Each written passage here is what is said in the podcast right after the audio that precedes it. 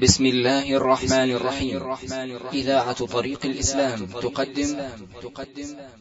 أيها الأحبة هذا هو الشريط الخامس والستون من شرح رياض الصالحين. بسم الله الرحمن الرحيم. الحمد لله رب العالمين والصلاة والسلام على نبينا محمد وعلى آله وصحبه أجمعين. قال رحمه الله تعالى باب فضل صلاة الصبح والعصر. عن أبي موسى رضي الله عنه أن رسول الله صلى الله عليه وسلم قال من صلى البردين دخل الجنة متفق عليه. وعن عمارة بن رؤيبة رضي الله عنه قال سمعت رسول الله صلى الله عليه وسلم يقول لن يلج النار أحد صلى قبل طلوع الشمس وقبل غروبها يعني الفجر والعصر رواه مسلم. وعن جندب بن سفيان رضي الله عنه قال قال رسول الله صلى الله عليه وسلم من صلى الصبح فهو في ذمة الله فانظر يا ابن آدم لا يطلبنك الله من ذمته بشيء. رواه مسلم. بسم الله الرحمن الرحيم. قال المؤلف النووي رحمه الله في كتابه رياض رياض الصالحين. باب فضل صلاة الفجر وصلاة العصر. هاتان الصلاتان تميزتا بفضل ليس في غيرهما. أما الفجر فقد قال الله تبارك وتعالى أقم الصلاة لدلوك الشمس إلى غسق الليل وقرآن الفجر إن قرآن الفجر كان مشهودا. يشهده الله وملائكته. وهذه فضيلة عظيمة. واختصت أيضا بأنها مفصولة عن الصلوات الخمس منفردة بوقتها. فبينها وبين صلاة العشاء نصف الليل الأخير. وبينها وبين صلاة الظهر نصف النهار الأول. لأن وقت العشاء ينتهي بنصف الليل ولا يمتد إلى طلوع الفجر. إذا انتصف الليل خرج وقت صلاة العشاء وبقي هذا النصف إلى الفجر ليس ليس وقتا لصلاة مفروضة لكنه وقت التهجد لمن وفقه الله عز وجل. أما من طلوع الشمس إلى زوال الشمس فهو أيضا ليس وقتا لصلاة مفروضة وإنما هو وقت لصلاة مطلقة كصلاة الضحى وما أشبه ذلك. فتميزت بأنها مشهودة وبأنها منفردة بوقتها لا يتصل بها ما قبلها ولا تتصل بما بعدها. أما صلاة العصر فتميزت بأنها الصلاة الوسطى. فإن الصلاة الوسطى بنص الحديث عن النبي صلى الله عليه وعلى آله وسلم هي صلاة العصر. وتميزت بأن الله تعالى نوه بفضلها وشرفها حيث خصها بالذكر بعد أن عمم فقال حافظوا على الصلوات هذا عام. والصلاة الوسطى يعني صلاة العصر فخصها بالذكر لفضيلتها. وهناك فضائل وميزات اشترك فيها صلاة الفجر وصلاة العصر. منها ما أشار إليه المؤلف رحمه الله في هذا الباب. الأول أن من صلى البردين دخل الجنة. البردين هما صلاة الفجر وصلاة العصر. لأن الفجر تأتي في براد الليل أبرد ما يكون من الليل في آخره والعصر تأتي في براد النهار أبرد ما يكون النهار في آخره. فلذلك قال صلى الله عليه وسلم من صلى البردين دخل الجنة. وكذلك أخبر عليه الصلاة والسلام أنه لا يلج, لا يلج النار أحدا أحد صلى لا يلج النار أحد صلى قبل طلوع الشمس وقبل غروبها يعني صلاة الفجر وصلاة العصر. ففي الأول إثبات دخول الجنة وفي الثاني انتفاء دخول النار. فيكون هذا كقوله تعالى فمن زحزح عن النار وأدخل الجنة فقد فاز. نسأل الله تعالى أن يجعلنا وإياكم من المحافظين على الصلوات والصلاة الوسطى وأن يحرمنا على النار ويدخلنا الجنة إنه على كل شيء قدير. الرحمن الرحيم. الحمد لله رب العالمين والصلاة والسلام على نبينا محمد وعلى آله وصحبه أجمعين. نقل المؤلف رحمه الله تعالى في سياق الأحاديث في باب فضل صلاة الصبح والعصر. عن جندب بن سفيان رضي الله عنه قال قال رسول الله صلى الله عليه وسلم من صلى الصبح فهو في ذمة الله فانظر يا ابن آدم لا يطلبنك الله من ذمته بشيء رواه مسلم. وعن أبي هريرة رضي الله عنه قال قال رسول الله صلى الله عليه وسلم يتعاقبون فيكم ملائكة بالليل وملائكة بالنهار ويجتمعون في صلاة الصبح وصلاة العصر ثم يعرج الذين باتوا فيكم فيسألهم الله وهو أعلم بهم. كيف تركتم عبادي؟ فيقولون تركناهم وهم يصلون. واتيناهم وهم يصلون.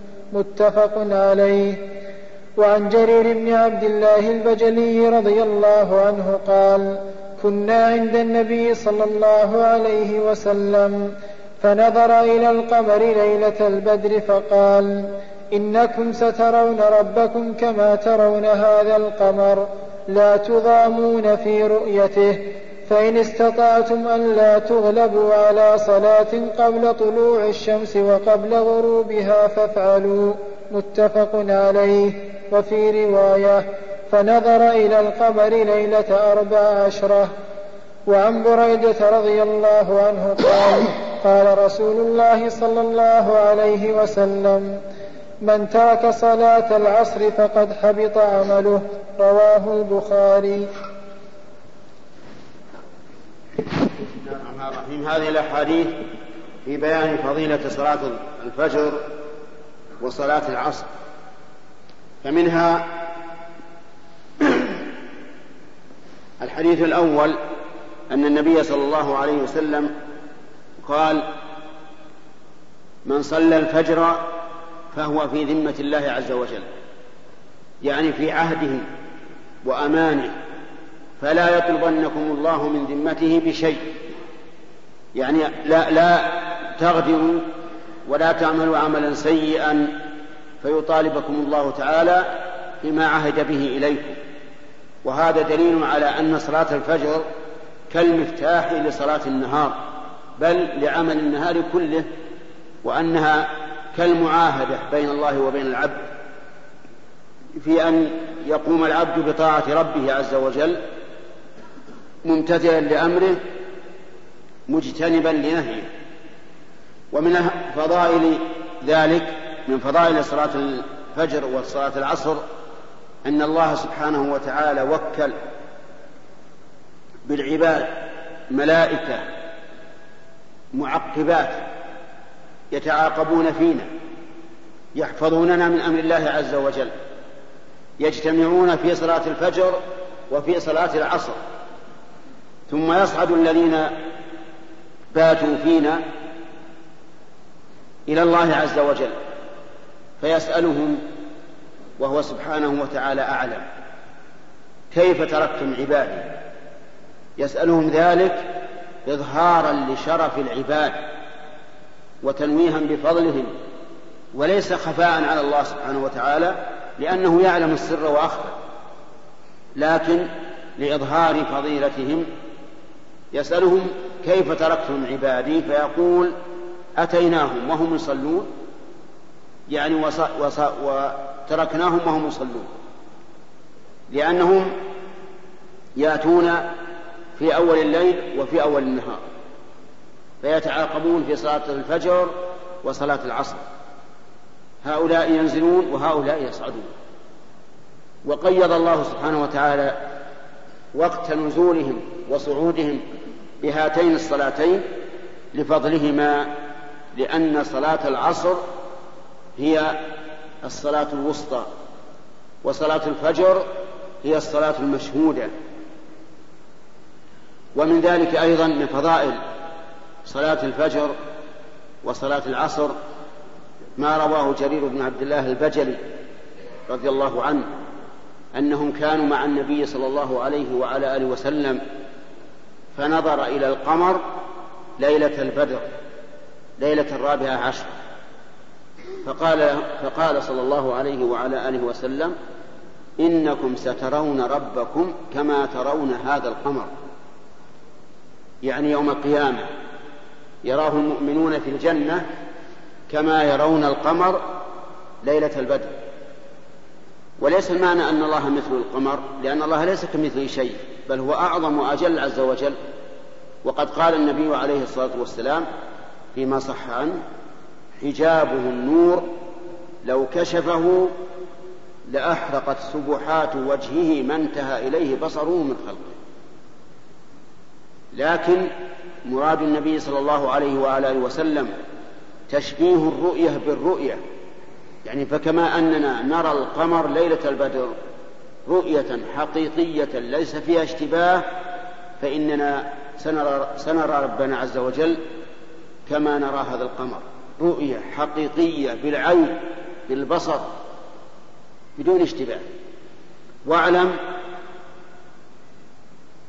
أن ألذ نعيم وأطيب نعيم عند أهل الجنة وأسأل الله أن يجعلني وإياكم منهم هو النظر إلى وجه الله.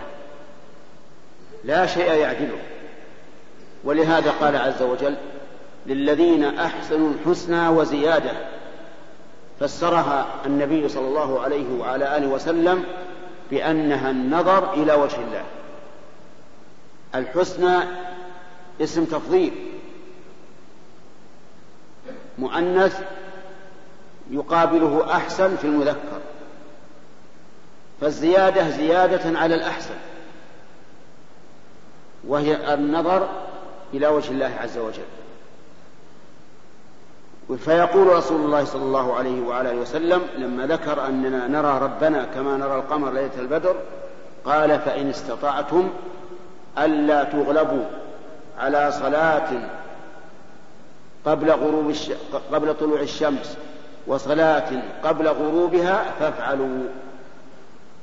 والمراد إن استطعتم على هذه الصلاة أن تأتوا بها كاملة ومنها أن تصلى في الجماعة. إن استطعتم أن لا تغلبوا على هذا فافعلوا. وفي هذا دليل على أن المحافظة على صلاة الفجر وصلاة العصر من أسباب النظر إلى وجه الله عز وجل. ويا لها من قيمة عظيمة. يا لها من ثمن ومثمن. حافظ على صلاة الفجر وصلاة العصر تنظر إلى الله عز وجل يوم القيامة في جنات النعيم.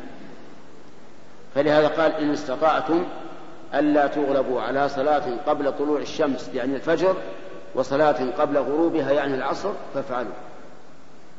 ومن ذلك أيضا من من فضيلة صلاة العصر خاصة أن من تركها فقد حبط عمله لأنها عظيمة.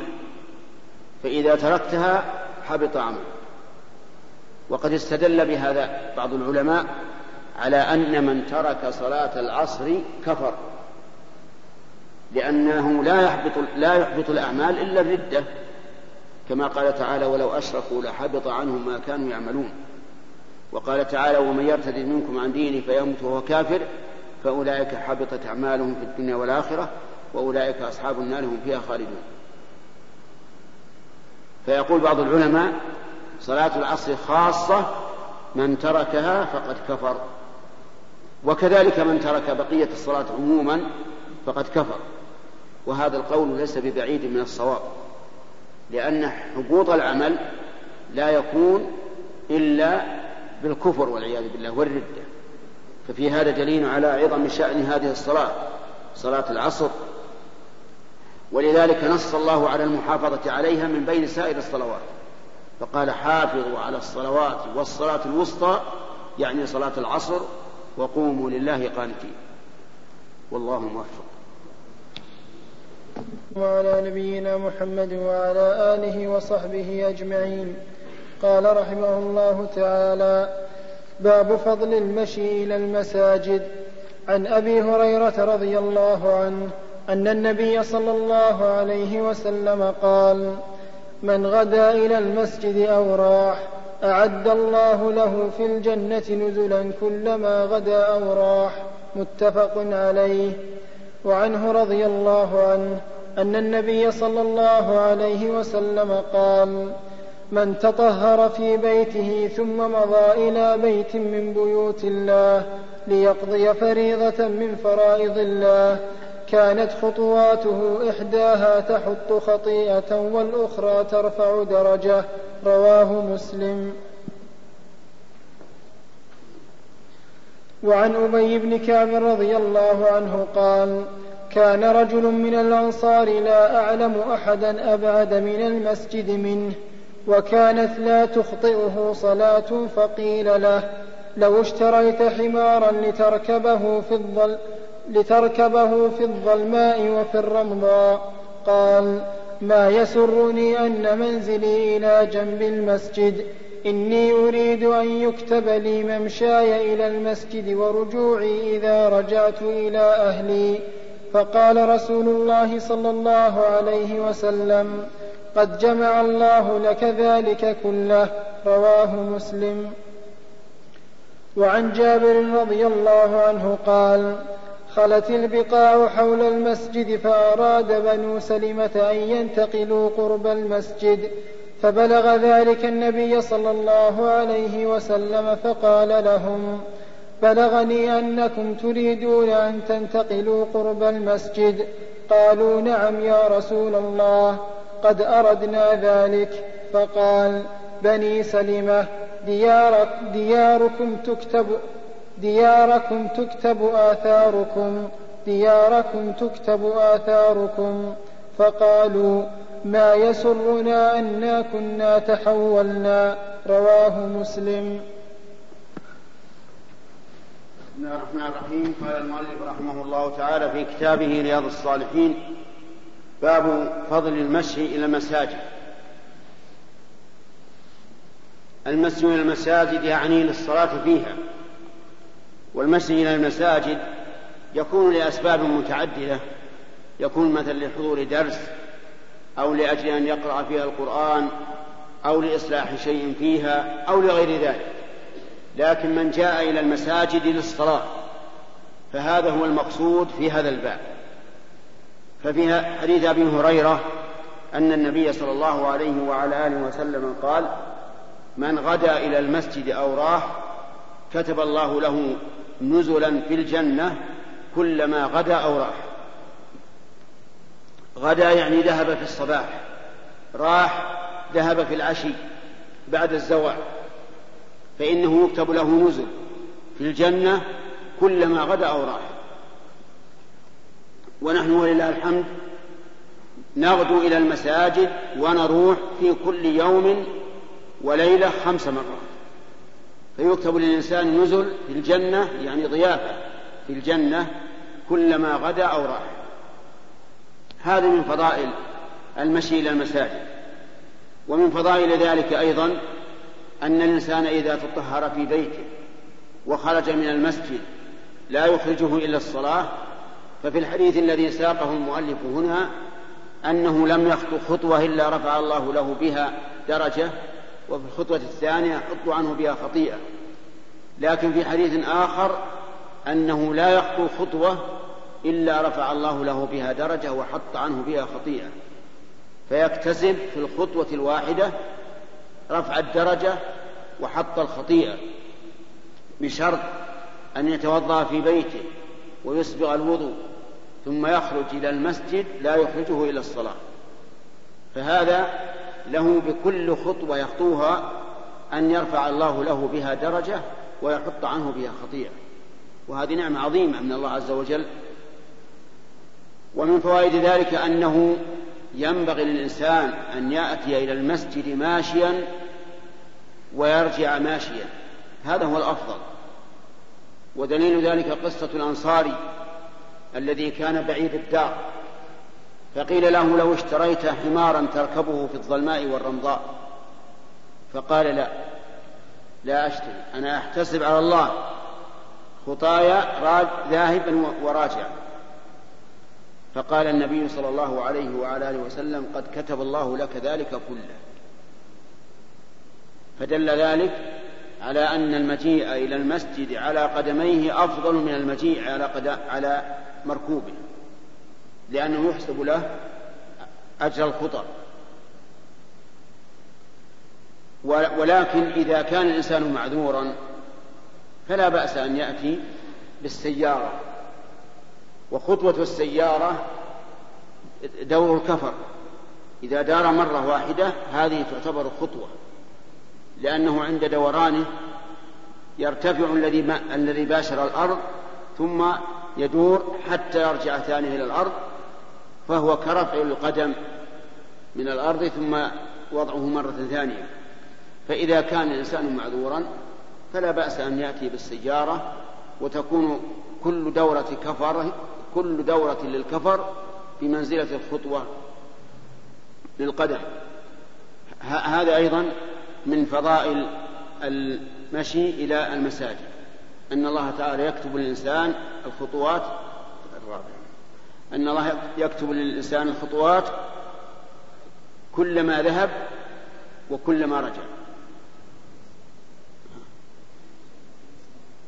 نعم. ومما يدل على ذلك أيضا على فضل المشي إلى المساجد ولو بعدت. حديث جابر في بني سلمة يقول خلت خلا ما حول المسجد يعني من من المنازل فأراد بنو سلمة أن يأتوا إلى المسجد ويقربوا منه.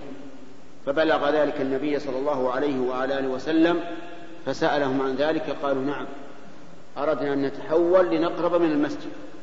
فقال يا بني سلمة دياركم تكتب آثاركم.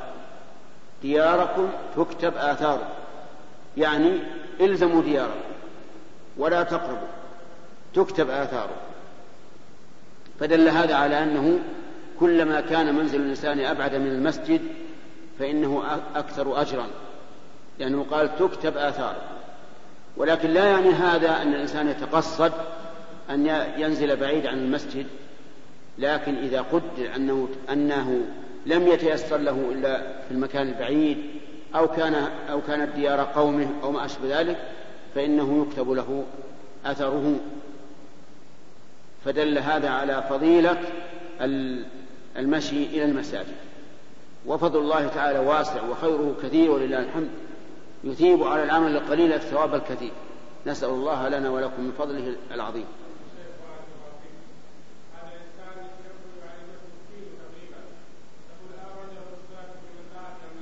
ها؟ نعم؟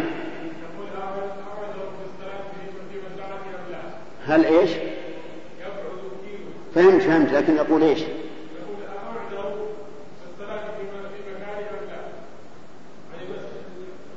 هل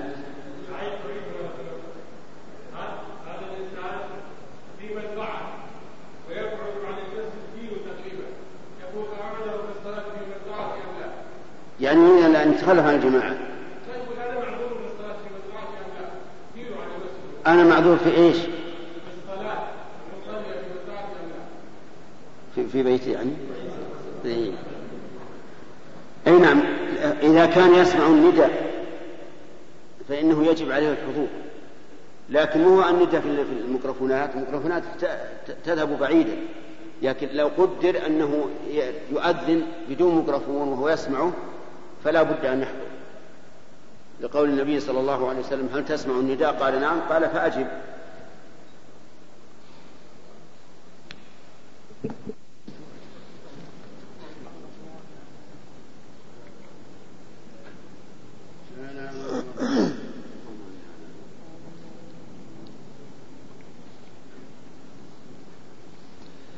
بسم الله الرحمن الرحيم الحمد لله رب العالمين والصلاة والسلام على نبينا محمد وعلى آله وصحبه أجمعين نقل المؤلف رحمه الله تعالى في سياق الأحاديث في باب فضل المشي إلى المساجد عن أبي موسى رضي الله عنه قال قال رسول الله صلى الله عليه وسلم إن أعظم الناس أجرا في الصلاة أبعدهم إليها ممشا فأبعدهم والذي ينتظر الصلاة حتى يصليها مع الإمام أعظم أجرا من الذي يصليها ثم ينام متفق عليه. وعن بريدة رضي الله عنه عن النبي صلى الله عليه وسلم قال بشروا المشائين في الظلم إلى المساجد بالنور التام يوم القيامة. رواه أبو داود والترمذي. وعن أبي سعيد الخدري رضي الله عنه عن النبي صلى الله عليه وسلم قال إذا رأيتم الرجل يعتاد المساجد فاشهدوا له بالإيمان. قال الله عز وجل إنما يعمر مساجد الله من آمن بالله واليوم الآخر. الآية رواه الترمذي وقال حديث حسن. هذه بقية الأحاديث في فضل المشي إلى المساجد. فذكر الحديث الأول أن النبي صلى الله عليه وعلى آله وسلم قال أعظم الناس أجرا في الصلاة أبعدهم إليها ممشا فأبعدهم. وذلك لما سبق من أن الإنسان إذا تطهر في بيته وخرج إلى المسجد لا يخرجه إلا الصلاة لم يخطو خطوة إلا رفع الله له بها درجة وحط عنه بها خطيئة. ولا تزال الملائكة تصلي عليه ما دام في مصلاه. فإذا كان مسجد فإذا كان بيتك بعيدا عن المسجد ولم يمنعك البعد من حضور الجماعة فإنك أعظم أجرا من القريب لأن القريب ليس له عذر. قريب يسهل عليه الوصول إلى المسجد والبعيد قد يكون له شيء من العذر لبعده ومع ذلك يتجشم البعد ويحضر إلى المسجد ويصلي مع الجماعة. فكان هذا أفضل. ثم ذكر أن الذي ينتظر الصلاة حتى يصليها مع الإمام أفضل من الذي ينام من الذي يصلي ثم ينام. وهذا في صلاة العشاء. فإن المشروع في صلاة العشاء أن تؤخر إلى ثلث الليل لأن النبي صلى الله عليه وعلى آله وسلم صلى ذات يوم وقد مضى عامة الليل. صلى العشاء. وقال إنه لوقتها لولا أن أشق على أمتي. فهذا الذي صلى وحده ونام لأنه يشق عليه أن ينتظر صلاة الجماعة لكونهم يؤخرونها نقول إذا إذا انتظرت وصليت مع الجماعة فهو أفضل. وأما إذا كان الإمام يصلي على العادة فإنه لا يجوز للإنسان أن يصلي ثم ينام لأن صلاة الجماعة واجبة حتى إن النبي صلى الله عليه وعلى آله وسلم قال لقد هممت أن آمر بالصلاة فتقام ثم آمر رجلا فيصلي بالناس ثم أنطلق برجال معهم حزم من حطب لا يشهدون الصلاة فأحرق عليهم بيوتهم بالنار. ثم ذكر الحديث الذي أخرجه الترمذي قال بشر المشائين بالظلم إلى المساجد بالنور التام يوم القيامة. وهذا الحديث ضعيف لكن لا شك أن الذي يذهب إلى المسجد في أيام الظلم فإنه يحصل له جزاء من جنس العمل. يعني كما تجشم الظلم وأتى إلى المساجد فإنه يكتب له النور يوم القيامة. وأضعف منه الحديث الذي بعده إذا رأيتم الرجل يعتاد المسجد فاشهدوا له بالإيمان. فإن الله يقول إنما يعمر مساجد الله من آمن بالله واليوم الآخر وأقام الصلاة وآتى الزكاة ولم يخشى إلا الله. هذا أيضا ضعيف. لا يصح رفعه إلى النبي صلى الله عليه وعلى آله وسلم. لكنه يكفي في فضل المشي إلى المساجد ما سبق من الأحاديث الصحيحة الواضحة. نسأل الله أن يرزقنا وإياكم الإخلاص في العمل والموافقة لما لما يرضاه جل وعلا. ولا شريك له. ولا معطي لما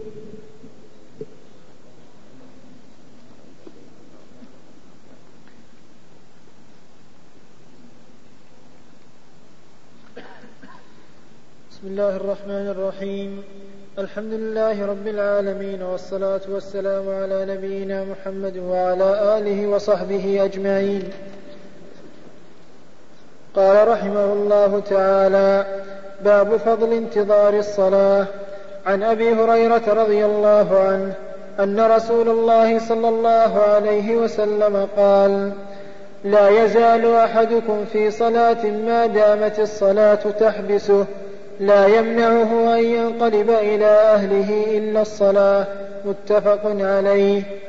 وعنه رضي الله عنه أن رسول الله صلى الله عليه وسلم قال الملائكة تصلي على أحدكم ما دام في مصلاه الذي صلى فيه ما لم يحدث.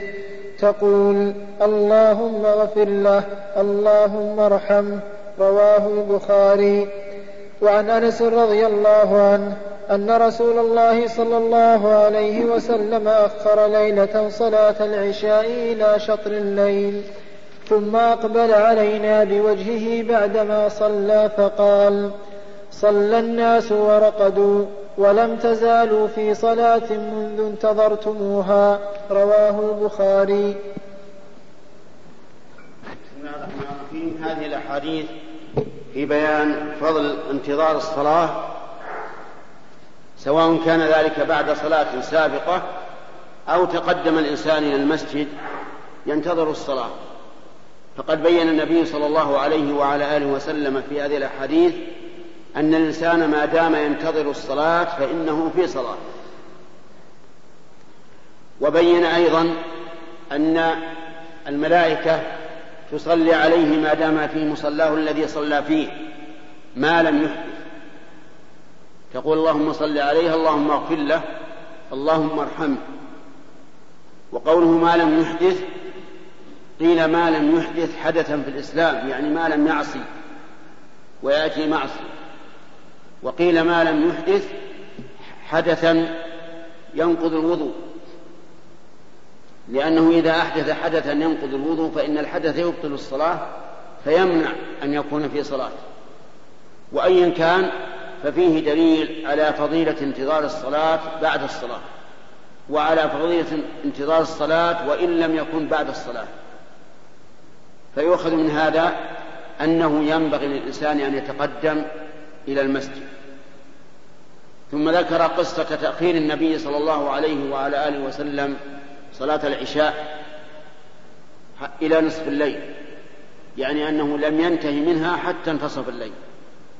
والصحابة ينتظرون النبي صلى الله عليه وسلم. فلما انصرف من صلاته قال إن الناس صلوا وناموا وأنكم لا تزالون في صلاة ما انتظرتم الصلاة.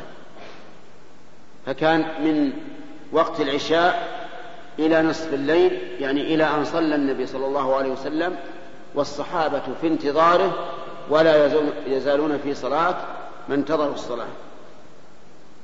وفي هذا الحديث دليل على أن الأفضل تأخير صلاة العشاء وهو كذلك. إلا إذا كان يشق على الناس أو على بعضهم فالأفضل أن يقدم. أما إذا كان لا يشق فالأفضل أن يؤخر. وعلى هذا فإذا كانوا جماعة في سفر أو في غير سفر أو في بلد لا تقام فيها الجماعات فإن الأفضل أن يؤخر الصلاة إلى قريب منتصف الليل. لأن النبي صلى الله عليه وعلى آله وسلم قال إن هذا لوقتها لولا أن أشق على أمتي. وكان صلى الله عليه وسلم في صلاة العشاء إذا رآهم اجتمعوا عجل وإذا رآهم أبطوا أخر. والله موفق. لا إله إلا الله وحده ولا شريك له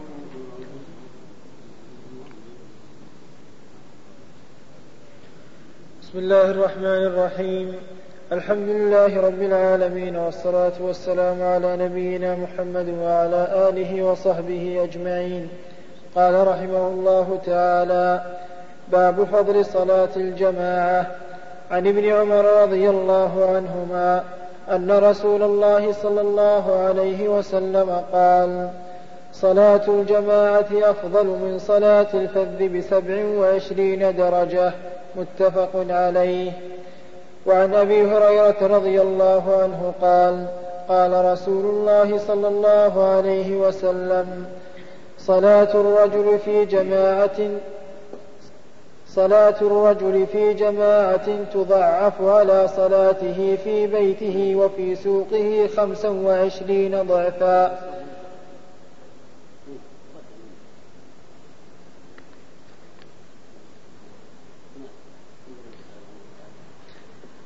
وعن أبي هريرة رضي الله عنه قال قال رسول الله صلى الله عليه وسلم صلاة الرجل في جماعة تضعف على صلاته في بيته وفي سوقه خمسا وعشرين ضعفا وذلك أنه إذا توضأ فأحسن الوضوء ثم خرج إلى المسجد لا يخرجه إلا لا يخرجه إلا الصلاة. لم يخط خطوة إلا رفعت له بها درجة وحطت عنه بها خطيئة. فإذا صلى لم تزل الملائكة تصلي عليه ما دام في مصلاه ما لم يحدث. تقول اللهم صل عليه اللهم ارحمه ولا يزال في صلاة من انتظر الصلاة. متفق عليه. وهذا لفظ البخاري. باب فضل صلاة الجماعة. يريد بذلك رحمه الله بيان فضل الصلاة مع الجماعة. وقد اتفق العلماء على أن صلاة الجماعة من أفضل العبادات وأجل الطاعات. لكن اختلفوا هل هي سنة أو واجب أو شرط لصحة الصلاة على أقوال ثلاث. القول الأول أنها سنة إن قام بها الإنسان أثيب على ذلك وإن تركها فلا إثم عليه. والقول الثاني أنها واجبة. يجب على الإنسان أن يصلي مع الجماعة. فإن لم يفعل فهو آثم وصلاته صحيحة. والقول الثالث أن الجماعة شرط لصحة الصلاة وأنه إذا لم يصلي مع الجماعة فصلاته باطلة ولا تقبل منه. وهذا الأخير اختيار شيخ الإسلام ابن تيمية رحمه الله ورواية عن الإمام أحمد أن الإنسان إذا صلى وحده بدون عذر شرعي فإن صلاته لا تقبل. كالذي يصلي بغير وضوء. وعللوا ذلك بأن صلاة الجماعة واجبة والقاعدة أن ما ترك أن من ترك واجبا في الصلاة بطل الصلاة. لكن القول الراجح أنها واجبة يأثم الإنسان بتركها ولكنه إذا صلى وحده قبلت صلاته. فليست, فليست شرطا لصحة الصلاة. ويدل لهذا حديث عبد الله بن عمر رضي الله عنهما أن النبي صلى الله عليه وعلى آله وسلم قال صلاة الجماعة أفضل من صلاة الفذ بسبع وعشرين درجة. ووجه الدلالة أنه لو كانت صلاة المنفرد لا ثواب فيها ما صحت المفاضلة. ولكن يأثم الإنسان الذي لا يصلي مع الجماعة.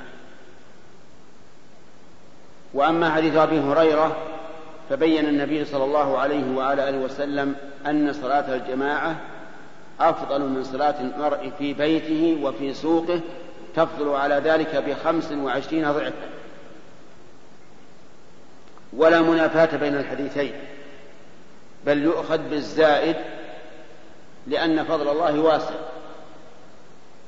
ثم فصل بين ذلك قال وذلك أنه إذا توضأ في بيته فأسبغ الوضوء يعني أتمه ثم خرج من بيته إلى المسجد لا يخرجه إلا الصلاة لم يخطو خطوة إلا رفعت له بها درجة وحطت عنه بها خطيئة. الخطوة الواحدة فيها فائدتان. الأولى أنه يرفع له بها درجة والثانية أنه يحط عنه بها خطيئة. فإذا صلى يعني دخل المسجد وصلى لم تزل الملائكة تصلي عليه ما دام في مصلاه تقول اللهم اغفر له اللهم ارحمه. ما لم يحدث ولا يزال في صلاة ما انتظر الصلاة. وهذا أجر عظيم وفضل كبير. لا ينبغي للرجل المؤمن العاقل أن يفرط فيه. لو أنه قيل لك إن سلعتك إذا بعتها في بلدك بعتها بمئة. وإذا بعتها في, في بلد آخر تناله تناله بالسفر إليه تبيعها بمئة وعشرة. لسافرت إلى ذلك. من أجل عشرة في المئة. ولم يشق عليك السفر. وكثير من الناس والعياذ بالله حرموا الخير تجدهم قريبين من المسجد يتركون هذا الفضل العظيم وهذا المكسب العظيم. الواحد سبع وعشرين. يعني أضعاف. أضعاف. ومع ذلك لا لا يذهب إلى المسجد. نسأل الله العافية. وربح الدنيا مع قلته يسعى إليه ويهتم به مع أنه زائل فإن كل ما في الدنيا من نعيم فإما زائل عنك وإما أنت زائل عنه ولا بد ما فيه إقامة دائمة. النعيم في الدنيا إما أن يزول أو تزول عنه ونعيم الآخرة باقي ومع ذلك يوجد بعض الناس يفرط فيه. ولا يهتم ولا يهتم به وفضل الله تعالى يؤتيه من يشاء. نسأل الله أن يعيننا وإياكم على ذكره وشكره وحسن عبادته.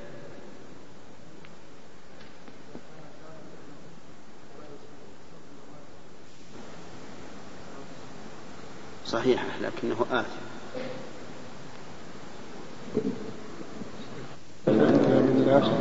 اللهم لا مانع لما اعطيت ولا معطي لما منعت ولا لا إله إلا الله وحده لا شريك له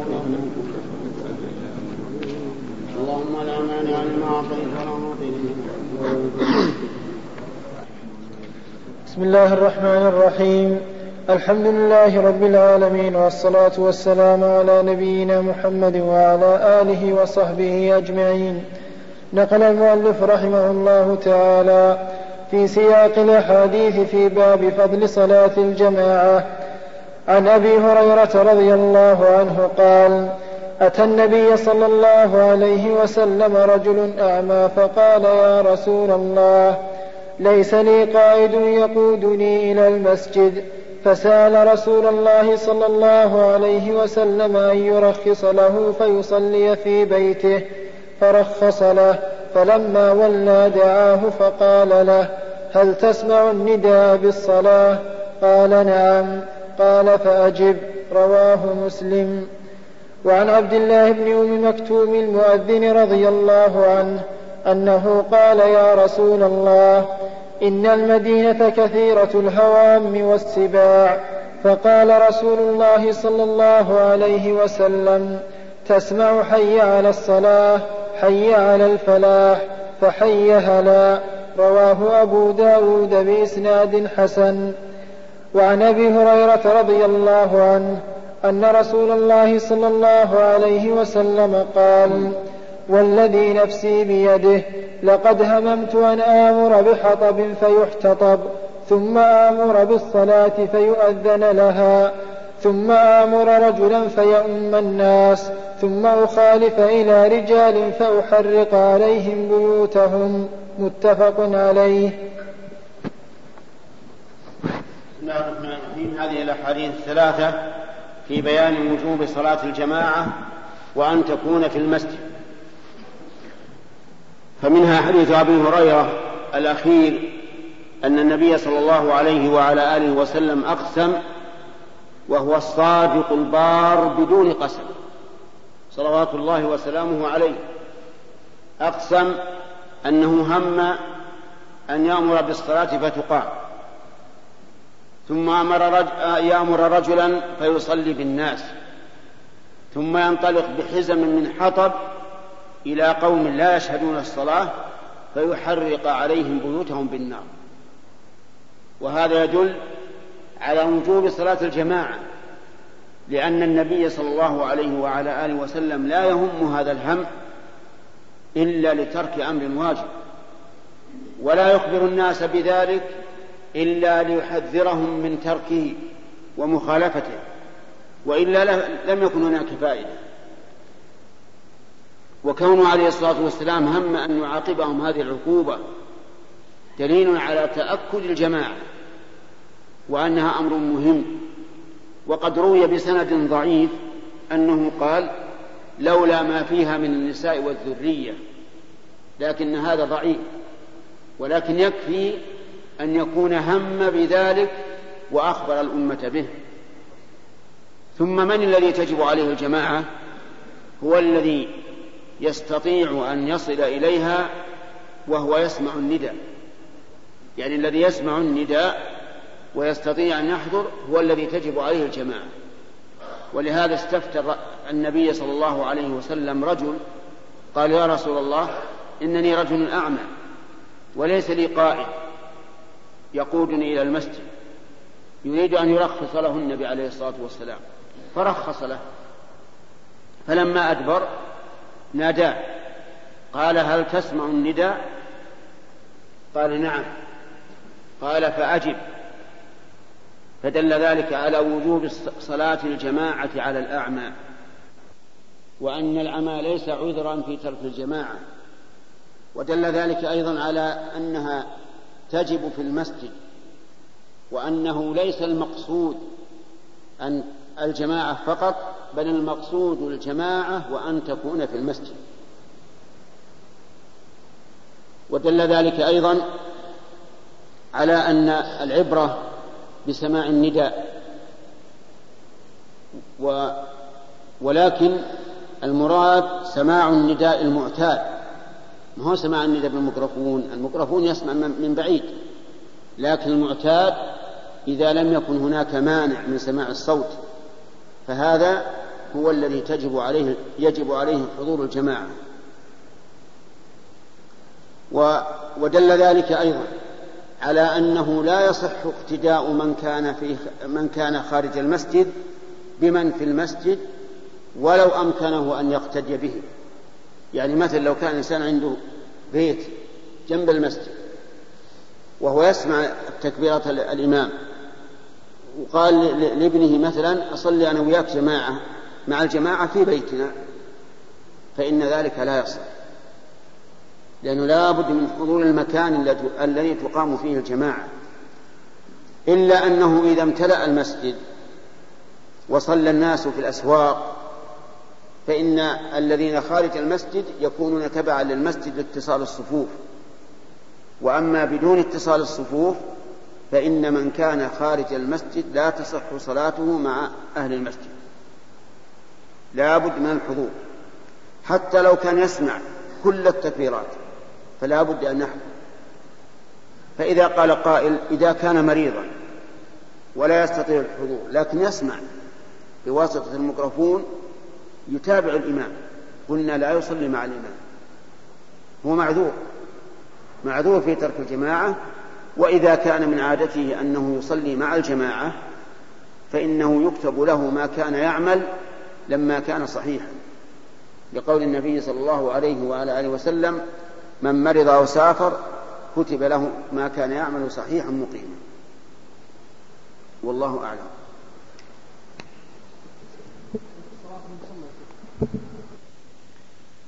بسم الله الرحمن الرحيم. الحمد لله رب العالمين والصلاة والسلام على نبينا محمد وعلى آله وصحبه أجمعين. نقل المؤلف رحمه الله تعالى في سياق الأحاديث في باب فضل صلاة الجماعة. عن ابن مسعود رضي الله عنه قال من سره أن يلقى الله تعالى غدا مسلما فليحافظ على هؤلاء الصلوات حيث ينادى بهن. فإن الله شرع لنبيكم سنن فإن الله شرع لنبيكم صلى الله عليه وسلم سنن الهدى وإنهن من سنن الهدى. ولو أنكم صليتم في بيوتكم كما يصلي هذا المتخلف في بيته لتركتم سنة نبيكم. ولو تركتم سنة نبيكم لضللتم ولقد رأيتنا وما يتخلف عنها إلا منافق معلوم النفاق ولقد كان الرجل يؤتى به يهادى بين الرجلين حتى يقام في الصف رواه مسلم. وفي رواية له قال إن رسول الله صلى الله عليه وسلم علمنا سنن الهدى. وإن من سنن الهدى الصلاة في المسجد الذي يؤذن فيه.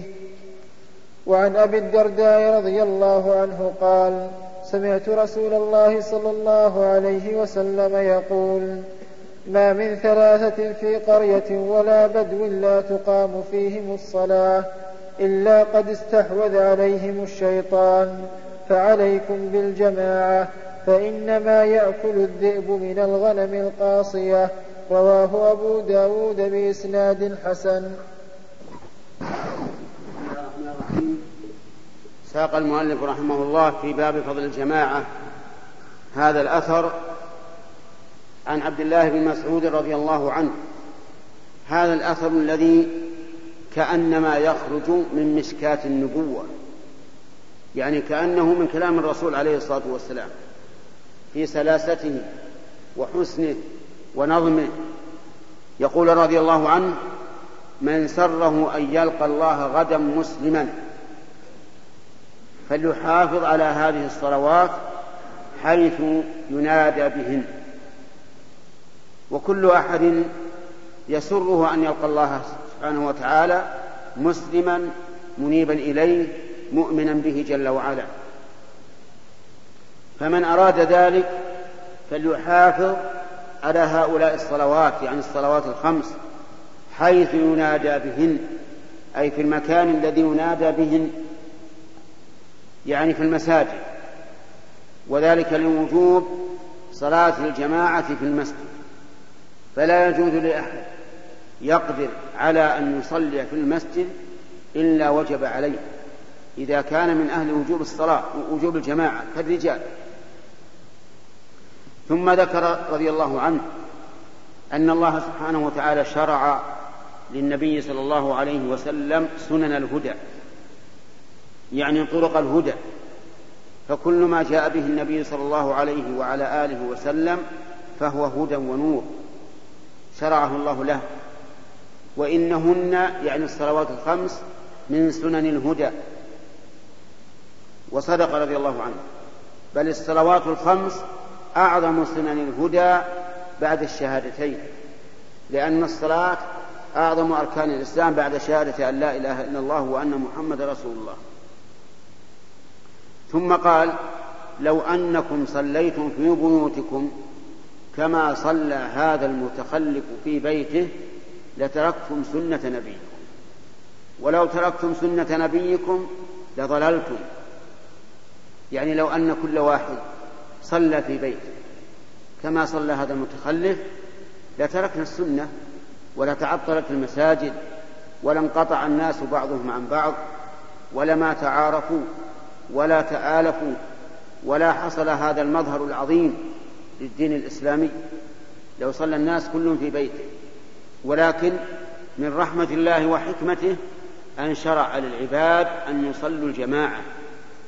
كل يوم خمس مرات تلقى أخاك تسلم عليه ويسلم عليك وتقتدي به في على إمام واحد نعمة عظيمة. هذه من أعظم ارتباط أواصر المودة والمحبة. ثم قال ولقد كان الرجل ولقد رأيتنا وما يتخلف عنها أي عن, عن هذه الصلوات في المساجد إلا منافق. والمنافقون كثيرون. لا سيما إذا اعتز الإسلام. إذا اعتز الإسلام وقوي ما استطاع الإنسان أن يعلن كفره. ولهذا لم يبرز النفاق ولم يكثر النفاق في عهد الرسول صلى الله عليه وسلم إلا حين انتصر المسلمون في غزوة بدر. لما انتصر المسلمون في غزوة بدر في السنة الثانية من الهجرة بدأ النفاق يظهر خاف الكفار على أنفسهم فصاروا يعلنون الإسلام. حتى إنهم يأتون إلى الرسول صلى الله عليه وعلى آله وسلم يقولون نشهد إنك لرسول الله. فيقول الله عز وجل والله يعلم إنك لرسوله والله يشهد إن المنافقين لكاذبون. يعني ما قالوا صدقا قالوا بألسنتهم ما ليس في قلوبهم. يقول لا يتخلف عنها إلا منافق. لماذا يتخلف المنافق؟ لأن المنافق لا يرجو ثوابا ولا يؤمن بالحساب فلا يهتم. ولهذا قال الرسول صلى الله عليه وعلى آله وسلم أثقل الصلوات على المنافقين صلاة العشاء وصلاة الفجر. لأن صلاة العشاء ما ما يشاف الإنسان إذا تخلف في عهد الرسول ما في أنوار ولا كهرباء فيتخلف الإنسان ولا ولا ولا يدرى عنه. ثم إن صلاة العشاء والفجر تأتي في وقت الراحة والنوم فهي ثقيلة على المنافقين. لا يأتون إليها. ولو يعلمون ما فيهما لأتوهما ولا حبوا. ثم ذكر رضي الله عنه أن الرجل يؤتى به الرجل من المسلمين يؤتى به يهادى بين الرجلين حتى يقام في الصف. يعني ماسك رجلين مريض ما يستطيع يمشي وحده. يهادونه يمشون به رويدا رويدا حتى يقام في الصف فيصلي مع الجماعة. رضي الله عنه وبهذه الأعمال وأمثالها ملكوا مشارق الأرض ومغاربها. ولما تخلفت الأمة الإسلامية واختلفت قلوبها صارت إلى ما ترون الآن. أمة ذليلة على أنهم يبلغون مليارا من البشر ومع ذلك هم في أذل ما يكون من الأمم لأنهم متفرقون. بل بعضهم متعادون.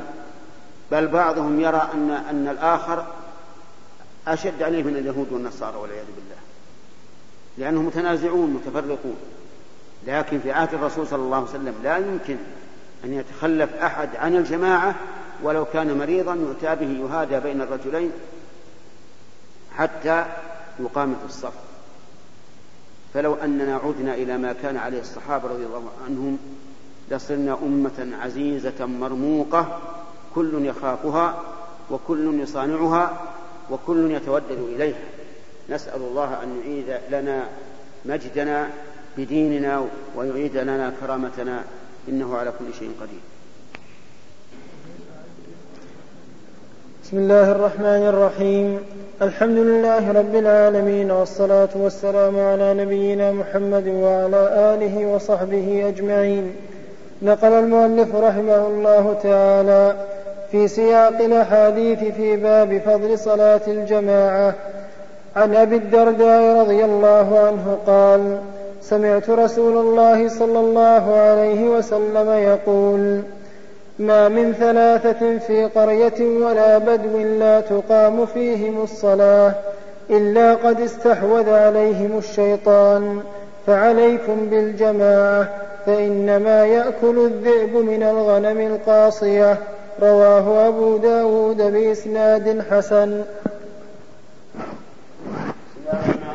قال المؤلف رحمه الله في كتابه رياض الصالحين في في باب فضل الجماعة فيما نقله عن أبي الدرداء رضي الله عنه أن النبي صلى الله عليه وسلم قال ما من ثلاثة في قرية ولا بدو يعني ولا بادية لا تقام فيهم الجماعة إلا استحوذ عليهم الشيطان. يعني معنى ذلك أنه إذا كان ثلاثة في قرية أو في بادية لا تقام فيهم الجماعة يعني ولا الجمعة إلا استحوذ عليهم الشيطان. فدل ذلك على أنه لا يجوز ترك الجماعة. ولكن هذا الحديث يفيد أنه لا يجوز إذا كانوا ثلاثة فأكثر لكن فيه أحاديث أخرى تدل على أن الجماعة تجب إذا كان اثنان فأكثر. وأما الجمعة فلا تجب إلا إذا كانوا ثلاثة فأكثر في غير البرية. أما البادية والمسافرون في البر فليس عليهم جمعة. لكن القرى والأمصار فيها الجمعة. وأدنى ما يكون ثلاثة. فإن قلت كيف يمكن أن يكون قرية أو مدينة ليس فيها إلا ثلاثة فالجواب يمكن هذا بأن يكون هذه المدينة أكثر أهلها آفاقيون جاءوا للدراسة مثلا. كما يوجد الآن في المجتمعات في في بعض البلاد الخارجية يكون فيها ليس يكون ليس فيها من من المواطنين إلا ثلاثة والباقون كلهم مسافرون جاءوا للدراسة. فهؤلاء تلزمهم الجمعة لأن فيه ثلاثة مواطنين. وأما البادية فلا تجب عليهم الجمعة لأن الجمعة لا تكون إلا في القرى والأمصار ولهذا لم تكن البادية في عهد الرسول عليه الصلاة والسلام وهم حول المدينة لم يكونوا يقومون الجمعة. وفي قوله فعليكم بالجماعة فإنما يأكل الذئب القاصية من الغنم. دليل على أنه لا ينبغي للمسلمين الاختلاف وأن واجب عليهم الاجتماع وأن الشذوذ عن الجماعة سبب للهلاك. لأن النبي صلى الله عليه وعلى آله وسلم شبه ذلك بالقاصية من الغنم البعيدة يأكلها الذئب فتهلك. فهكذا الذي يشذ عن الجماعة. حتى برأي ينفرد به ويظن أن النصوص تدل عليه فإن الواجب إذا رأى الإنسان في رأيه أن النصوص تدل, تدل على خلاف ما يراه الجمهور فالواجب عليه أن يعيد النظر مرة بعد أخرى. إذ لا يمكن أن يكون الجمهور هم الذين توهموا وأنت الذي أصبت. ولهذا لم لما قال حذيفة لابن مسعود رضي الله عنه إن قوما يعتكفون في البصرة والرسول عليه الصلاة والسلام يقول لا اعتكاف إلا في ثلاثة مساجد المسجد الحرام والمسجد ومسجد هذا والمسجد الأقصى. قال لعلهم ذكروا فنسيت وحفظوا وكلمة أخرى تقابلها نسيتها. فوهم, ابن مسعود حذيفة وذلك لأن المسلمين يكادون كالمجمعين على أن الاعتكاف يصح في كل مسجد وأنه لو فرض لو فرض صحة حديث حذيفة لكان معناه لا اعتكاف تام إلا في هذه المساجد الثلاثة وإلا فلا يمكن أن يخاطب الله بالقرآن الكريم. الأمة الإسلامية يقول ولا تباشروهن وأنتم عاكفون في المساجد. ثم نقول لا اعتكاف إلا في ثلاثة مساجد لا يحضرها ولا واحد بالمئة من المسلمين. هذا خلاف البلاغة وخلاف الفصاحة. لكن بعض الناس يحب الإغراب في الشيء. يحب أن يذكر. ومن أمثال العامة خالف تذكر. علشان إذا شذ وأتى بما لم يكن عليه الجماعة اشتهر. وقال وش هذا؟ ولهذا تجد بعض الناس يفتي في أقوال شاذة ما لها دليل مخالف للدليل ولرأي الجمهور ثم يشتهر بهذا.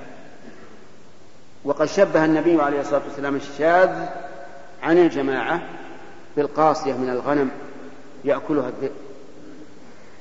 والله موفق. قال رحمه الله تعالى باب الحث على حضور الجماعة في الصبح والعشاء.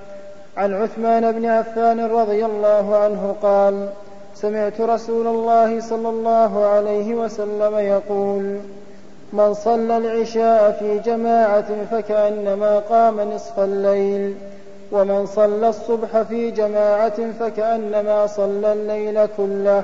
رواه مسلم. وفي رواية الترمذي عن عثمان بن عفان رضي الله عنه قال قال رسول الله صلى الله عليه وسلم من شهد العشاء في جماعة كان له قيام نصف ليلة ومن شهد العشاء والفجر في جماعة كان له كقيام ليلة. قال الترمذي حديث حسن صحيح. وعن أبي هريرة رضي الله عنه أن رسول الله صلى الله عليه وسلم قال ولو يعلمون ما في العتمة والصبح لأتوهما ولو حبوا. متفق عليه. وعنه رضي الله عنه قال قال رسول الله صلى الله عليه وسلم ليس صلاة أثقل على المنافقين من صلاة الفجر والعشاء ولو يعلمون ما فيهما لأتوهما ولو حبوا متفق عليه.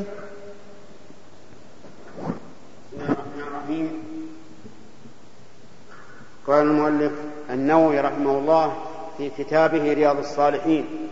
باب فضل صلاة العشاء وصلاة الفجر يعني في الجماعة. ونص على هاتين الصلاتين صلاة العشاء وصلاة الفجر. لما فيهما من الأجر الكثير. ففي حديث عثمان بن عفان رضي الله عنه أن الإنسان إذا صلى العشاء في جماعة والفجر في جماعة فكأنما صلى الليل كله. يعني كأنه قام يصلي كل الليل. العشاء نصف الليل والفجر نصف الليل. وهذا فضل عظيم. يعني كأنك قائم الليل كله وأنت في في فراشك إذا صليت العشاء في جماعة والفجر في جماعة. وقال عليه الصلاة والسلام كما في حديث أبي هريرة لو يعلمون ما في العتمة وصلاة الفجر لأتوهما ولو حبوا. العتمة العشاء والفجر معروف. لو يعلمون ما فيهما من الأجر والثواب لأتوهما يحبون على أستاههم. يعني يمشي حبو على الأرض كما يحبو الصبي لما فيهما من الأجر العظيم. وكذلك الحديث الذي بعده حديث أبي هريرة أيضا أن أثقل الصلوات على المنافقين صلاة العشاء وصلاة الفجر. لأن المنافقين يصلون رياء وسمعة وصلاة العشاء والفجر ظلمة لا يشاهدون. فهم يأتون إليهما كرها. لكن الظهر والعصر والمغرب يأتون لأن الناس يشاهدونهم فهم يراؤون الناس ولا يذكرون الله إلا قليلا. والعشاء والفجر ما فيها مراءات لأنها ظلمة. في عهد النبي عليه الصلاة والسلام ما فيه أنوار ما فيه كهرباء ولا فيه أتاريك ولا فيه سرد ظلمة. فلا يشاهدهم أحد فيكون حضورهم العشاء والفجر ثقيلا عليهم لفوات المراءات. هذا من وجه. من وجه آخر أنها أن صلاة العشاء والفجر وقت الراحة والنوم. ففي عهد الرسول عليه الصلاة والسلام الناس لا يسهرون كما يسهر الناس اليوم. ينامون مبكرين من حين أن يصلوا العشاء. والفجر يقومون منهم من يمن الله عليه بقيام الليل فيقوم ومنهم من يقوم لصلاة الفجر. فهما ثقيلتان على المنافقين. فينبغي للإنسان أن يحرص على صلاة العشاء وصلاة الفجر. لكن صلاة العشاء ليست أفضل من صلاة العصر.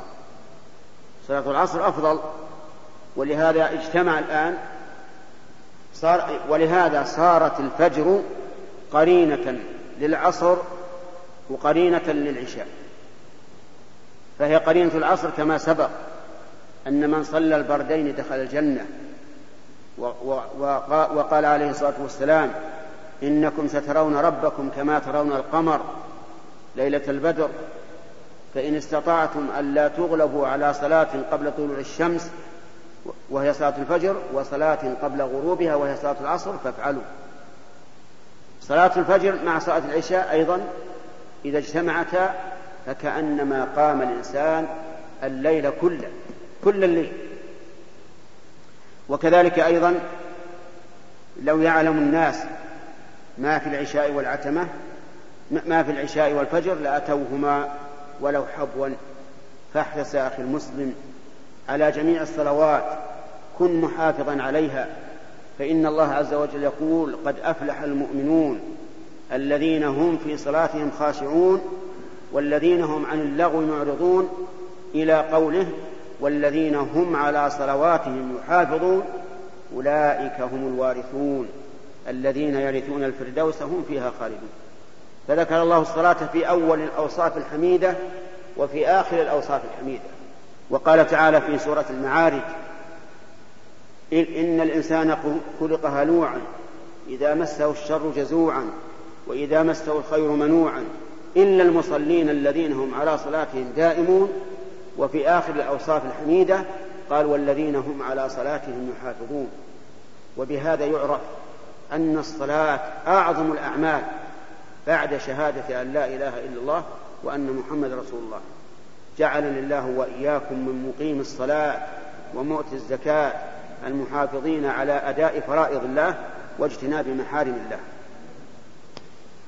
الرحمن الرحيم. الحمد لله رب العالمين والصلاة والسلام على نبينا محمد وعلى آله وصحبه أجمعين. قال رحمه الله تعالى باب الأمر بالمحافظة على الصلوات المكتوبات والنهي الأكيد والوعيد الشديد في تركهن.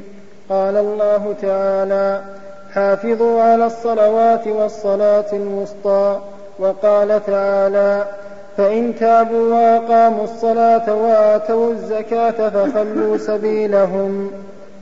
عن ابن مسعود رضي الله عنه قال سألت رسول الله صلى الله عليه وسلم أي الأعمال أفضل؟ قال الصلاة على وقتها. قلت ثم أي؟ قال بر الوالدين. قلت ثم أي؟ قال الجهاد في سبيل الله. متفق عليه. وعن ابن عمر رضي الله عنهما قال قال رسول الله صلى الله عليه وسلم بني الإسلام على خمس شهادة أن لا إله إلا الله وأن محمدا رسول الله وإقام الصلاة وإيتاء الزكاة وحج البيت وصوم رمضان. متفق عليه بسم الله الرحيم. قال المؤلف رحمه الله تعالى في كتابه رياض الصالحين باب وجوب المحافظة على الصلوات والتحذير من إضاعتهن. الصلوات خمس كتبهن الله عز وجل على عباده في كل يوم وليلة. لقوله تبارك وتعالى حين سأل النبي صلى الله عليه وسلم ربه أن يخفف عن العباد قال هن خمس في الفعل وخمسون في الميزان. وسأله أي سأل النبي صلى الله عليه وسلم رجل عن الإسلام ومنه الصلوات فذكر له خمس صلوات. قال هل علي غيرها؟ قال لا إلا أن تتطوع وأرسل معاذا إلى اليمن. وقال أخبرهم أن الله افترض عليهم خمس صلوات في كل يوم وليلة. وقد أمر الله بالمحافظة عليه فقال حافظوا على الصلوات والصلاة الوسطى خصها بما لها من المزية والفضل والمراد بالصلاة الوسطى صلاة العصر. فسر فسرها بذلك النبي صلى الله عليه وعلى آله وسلم. أعلم الخلق بكتاب الله عز وجل وبمراد الله ولا قول لأحد بعد قول النبي صلى الله عليه وعلى آله وسلم. فحافظوا على الصلوات والصلاة الوسطى. وقال تعالى فإن تابوا وأقاموا الصلاة وآتوا الزكاة فخلوا سبيلهم. وليت المؤلف أتى بالآية الأخرى فإن تابوا وأقاموا الصلاة وآتوا الزكاة فإخوانكم في الدين لأن هذه الآية تدل على أن من لم يحافظ على أن من لم يقم الصلاة فهو كافر. ثم ذكر حديث ابن مسعود رضي الله عنه أنه سأل النبي صلى الله عليه وعلى آله وسلم أي العمل أحب إلى الله؟ قال الصلاة على وقتها. يعني الصلاة على وقتها أي على الوقت المطلوب شرعا. إن كان مما يطلب تقديمه فتقديمها أفضل وإن كان مما يطلب تأخيره فتأخيره أفضل. والصلوات الخمس كلها الأفضل فيها التقديم. إلا العشاء فالأفضل فيها التأخير ما لم يشق على الناس. وإلا الظهر في شدة الحر فالأفضل فيها التأخير تيسيرا على الناس وتخفيفا عليهم. وأما الفجر والعصر والمغرب فالأفضل فيها التعجيل على كل حال. لكن قال العلماء رحمهم الله من قام حين يسمع النداء يتوضأ ويتأهب للصلاة فهذا تقديم. يعني ليس المعنى أنه من يوم يأذن تصلي لا. المهم أن تستعد للصلاة من أول وقتها. قال ابن مسعود ثم أي؟ قال بر الوالدين. يعني الإحسان إليهما بالقول والفعل والمال والجاه والخدمة وغير ذلك. بر الوالدين الأب والأم. قلت ثم أي؟ قال الجهاد في سبيل الله. قال ابن مسعود ولو استزدته لزادني.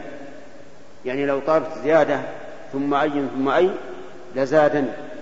قال ذلك بناء على ما عرفه من قرينة الحال. وفي هذا الحديث دليل على إثبات المحبة لله عز وجل وأنه يحب الأعمال كما يحب العاملين و وأن حبه يتفاوت سبحانه وتعالى. بعض الأشياء أحب إليه من بعض. وفيه أن بر الوالدين مقدم على الجهاد في سبيل الله. واجبه على واجبه وتطوعه على تطوعه. فمثلا إذا كان الوالدان ليس عندهما من يعولهما ولا من يخدمهما وهما في ضرورة للولد فإنه يجب عليه أن يبقى ولا يجاهد. وإذا كان عندهما من يقوم بكفاياتهما ويخدمهما فهذا بقاؤه عندهما مستحب. ثم الجهاد إن احتيج إليه كان أفضل وإن لم يحتج إليه فبر الوالدين أفضل. ويأتي إن شاء الله الكلام على حديث ابن عمر والله أعلم.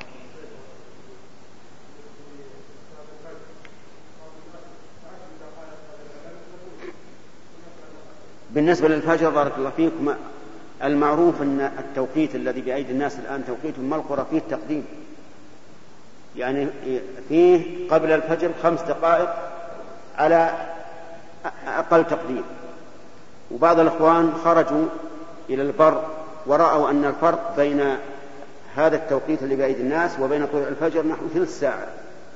فالمسألة خطيرة جدا. ولهذا لا ينبغي للإنسان في صلاة الفجر أن أن يبادر بإقامة الصلاة بل يتأخر ثلث ساعة 25 دقيقة حتى يتيقن أن الفجر خرج. الحمد لله رب العالمين والصلاة والسلام على نبينا محمد وعلى آله وصحبه أجمعين. نقل المؤلف رحمه الله تعالى في سياق الأحاديث في باب الأمر بالمحافظة على الصلوات المكتوبات والنهي الأكيد والوعيد الشديد في تركهن. عن ابن عمر رضي الله عنهما قال قال رسول الله صلى الله عليه وسلم بني الإسلام على خمس شهادة أن لا إله إلا الله وأن محمدا رسول الله. وإقام الصلاة وإيتاء الزكاة وحج البيت وصوم رمضان. متفق عليه. بسم الله الرحمن الرحيم. نقل المؤلف النووي رحمه الله في كتاب رياض الصالحين في باب فضل الصلوات الخمس والنهي الأكيد والوعيد الشديد على من ضيعهن. ما رواه ابن عمر رضي الله عنهما عن النبي صلى الله عليه وعلى آله وسلم أنه قال بني الإسلام على خمس. شهادة أن لا إله إلا الله وأن محمد رسول الله. هذا واحد. وإقام الصلاة. هذا الثاني. وإيتاء الزكاة. هذا الثالث. وحج البيت. هذا الرابع. وصوم رمضان. هذا الخامس. هكذا رواه ابن عمر رضي الله عنهما وفي لفظ أنه قدم الصوم على الحج. فعلى الأول بنى البخاري رحمه الله ترتيب الصحيح صحيح البخاري فبدأ بالحج قبل الصيام. وأكثر الأحاديث على تقديم الصيام على الحج. قوله صلى الله عليه وعلى آله وسلم بني الإسلام. يعني أن الإسلام شبهه بالقصر الذي له خمسة أعمدة. هذا القصر مبني عليه. ومعلوم أن الأعمدة هي أساس البنيان. وأنه إذا فقدت الأعمدة تداعى البنيان وانهدم فإن بني على غير أعمدة بني بناء ضعيفا. ولكن الإسلام بناء قوي محكم. شرعه الله عز وجل لعباده وقال اليوم أكملت لكم دينكم وأتممت عليكم نعمتي ورضيت لكم الإسلام دينا. هذه الدعائم وهذه الأعمدة الخمسة بينها صلى الله عليه وعلى آله وسلم بقوله شهادة أن لا إله إلا الله وأن محمدا رسول الله. يعني أن تشهد معترفا بلسانك مؤمنا بقلبك أنه لا معبود حق إلا الله. كل ما عبد من دون الله فهو باطل. فيه أناس يعبدون الشمس وفيه أناس يعبدون القمر وفيه أناس يعبدون الشعر وهي نجم من النجوم وفيه أناس يعبدون الأشجار وفيه أناس يعبدون البقر وفيه أناس يعبدون فروج النساء. أمم مختلفة. لكن من المعبود حقا؟ الله عز وجل.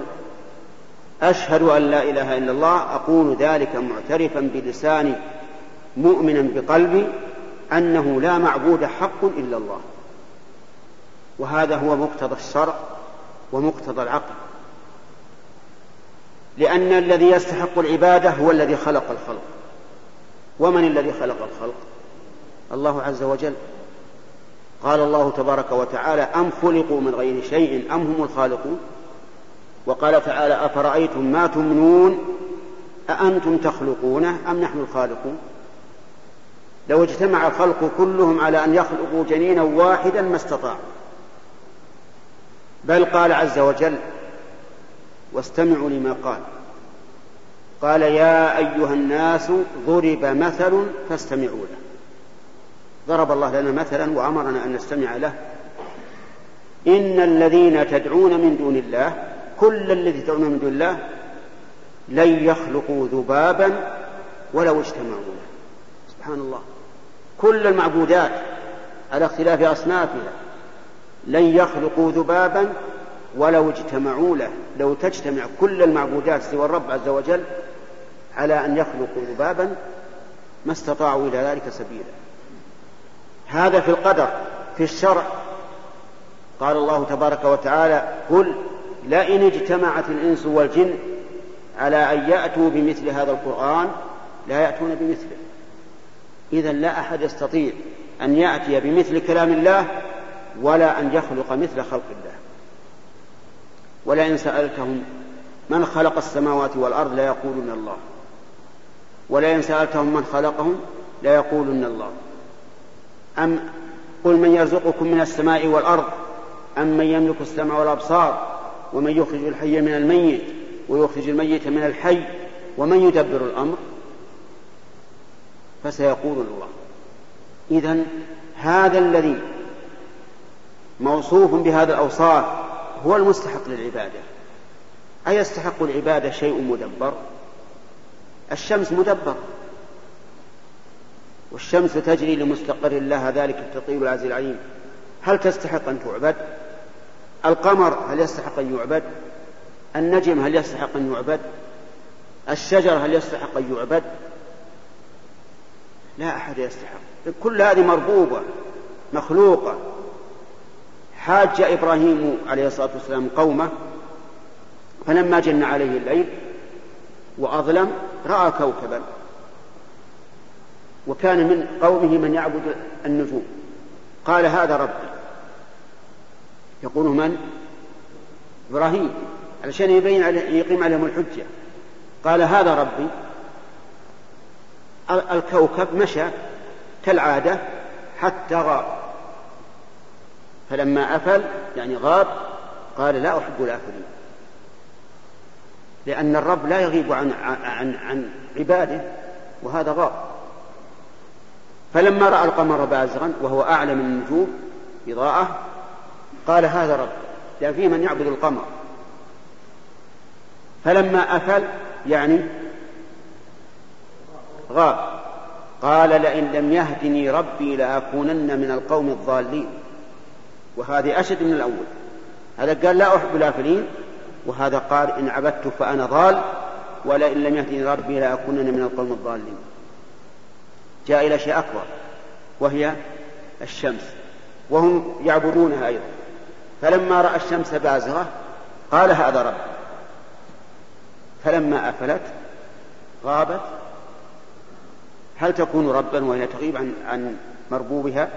أبدا. فلما أفلت أعلن عليه الصلاة والسلام التوحيد.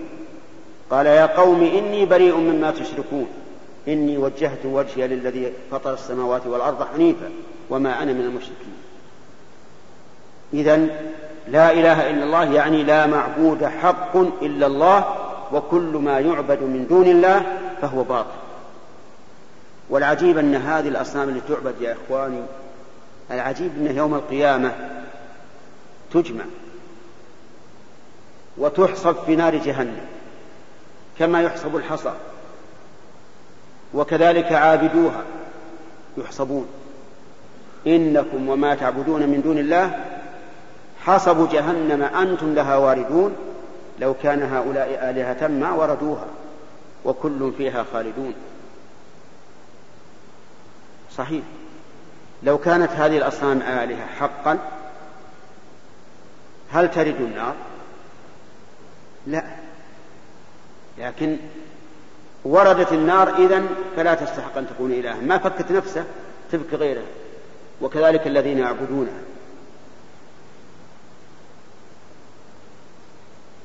لما جاءت الآية هذه أراد المشركون أن يشبهوا بها.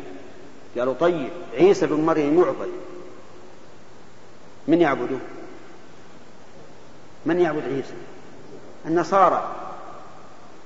إذا يلقى في النار. فأنزل الله تعالى قوله إن الذين سبقت لهم منا الحسنى أولئك عنها مبعدون.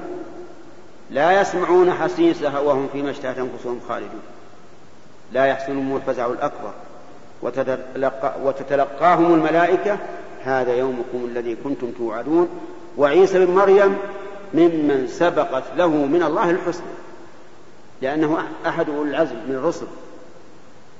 والمهم يا إخواني أن تعلموا أن كل ما يعبد من دون الله فهو باطل سواء كان نبي أو ولي أو صالح أو عالم أو رئيس كل ما يعبد من دون الله فهو باطل. عبادته باطلة. من الذي يستحق العبادة؟ عجيب يا أخوان. الله هو الذي يستحق العبادة وما سواه فهو باطل.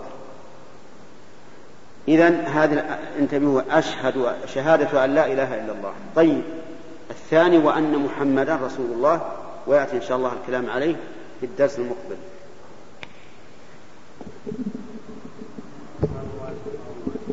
نقل المؤلف رحمه الله تعالى في سياق الأحاديث في باب الأمر بالمحافظة على الصلوات المكتوبات والنهي الأكيد والوعيد الشديد في تركهن.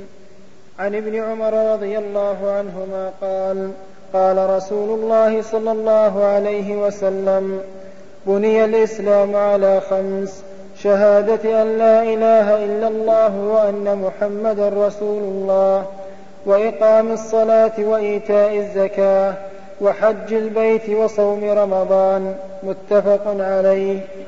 بسم الله الرحمن الرحيم. ذكر المؤلف النووي رحمه الله في كتابه رياض الصالحين في باب المحافظة على الصلوات الخمس والنهي الأكيد والوعيد الشديد على من تركهن.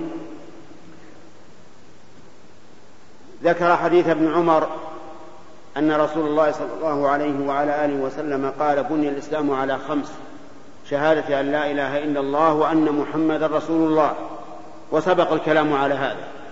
وهذا يعد ركنا واحدا لأنه يعود على تصحيح العبادات إذ أن كل عبادة لا تصح إلا بالإخلاص الذي تتضمنه شهادة أن لا إله إلا الله والمتابعة التي تتضمنها شهادة أن محمد رسول الله ولهذا جعل ذلك ركنا واحدا.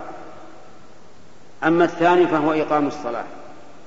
الصلاة يعني الصلوات الخمس وما يتبعها من النوافل وما وما يستقل يستقل من النوافل أيضا. إقام الصلاة من أركان الإسلام. والصلوات الواجبة بالإجماع هي خمس. الصبح والظهر والعصر والمغرب والعشاء والجمعة تكون في محل الظهر. وما عدا ذلك فمختلف فيه. فالوتر اختلف العلماء هل هو واجب يأثم الإنسان بتركه أو سنة أو فيه تفصيل وهو أن من له ورد من الليل يجب عليه أن يوتر ومن ليس له ورد وإنما ينام إذا صلى العشاء إلى الفجر فهذا لا يجب عليه الوتر وأما صلاة الكسوف فمختلف فيها. من العلماء من يقول واجبة ومنهم من يقول ليست واجبة تأخر عن إخوانك. تأخر لا تستدبرون فمن العلماء من يقول إنها واجبة ومنهم من يقول ليست بواجبة. والصحيح أنها واجبة. لأن النبي صلى الله عليه وسلم أمر بها وفزع لما كسفت الشمس وصلاها صلاة غريبة لكنها فرض كفاية. إذا قام بها من يكفي من أهل البلد سقط عن الباقي. وكذلك أيضا اختلف العلماء رحمهم الله في تحية المسجد هل هي واجبة أو لا. والقول بالوجوب قول قوي لكن يمنع القطع به أحاديث تدل على أنها أي تحية المسجد ليست بواجبة مثل مجيء الإمام يوم الجمعة فإن النبي صلى الله عليه وعلى آله وسلم يدخل المسجد يوم الجمعة ويصعد المنبر ويخطب الناس ويجلس بين السجدتين ولا يصلي تحية المسجد.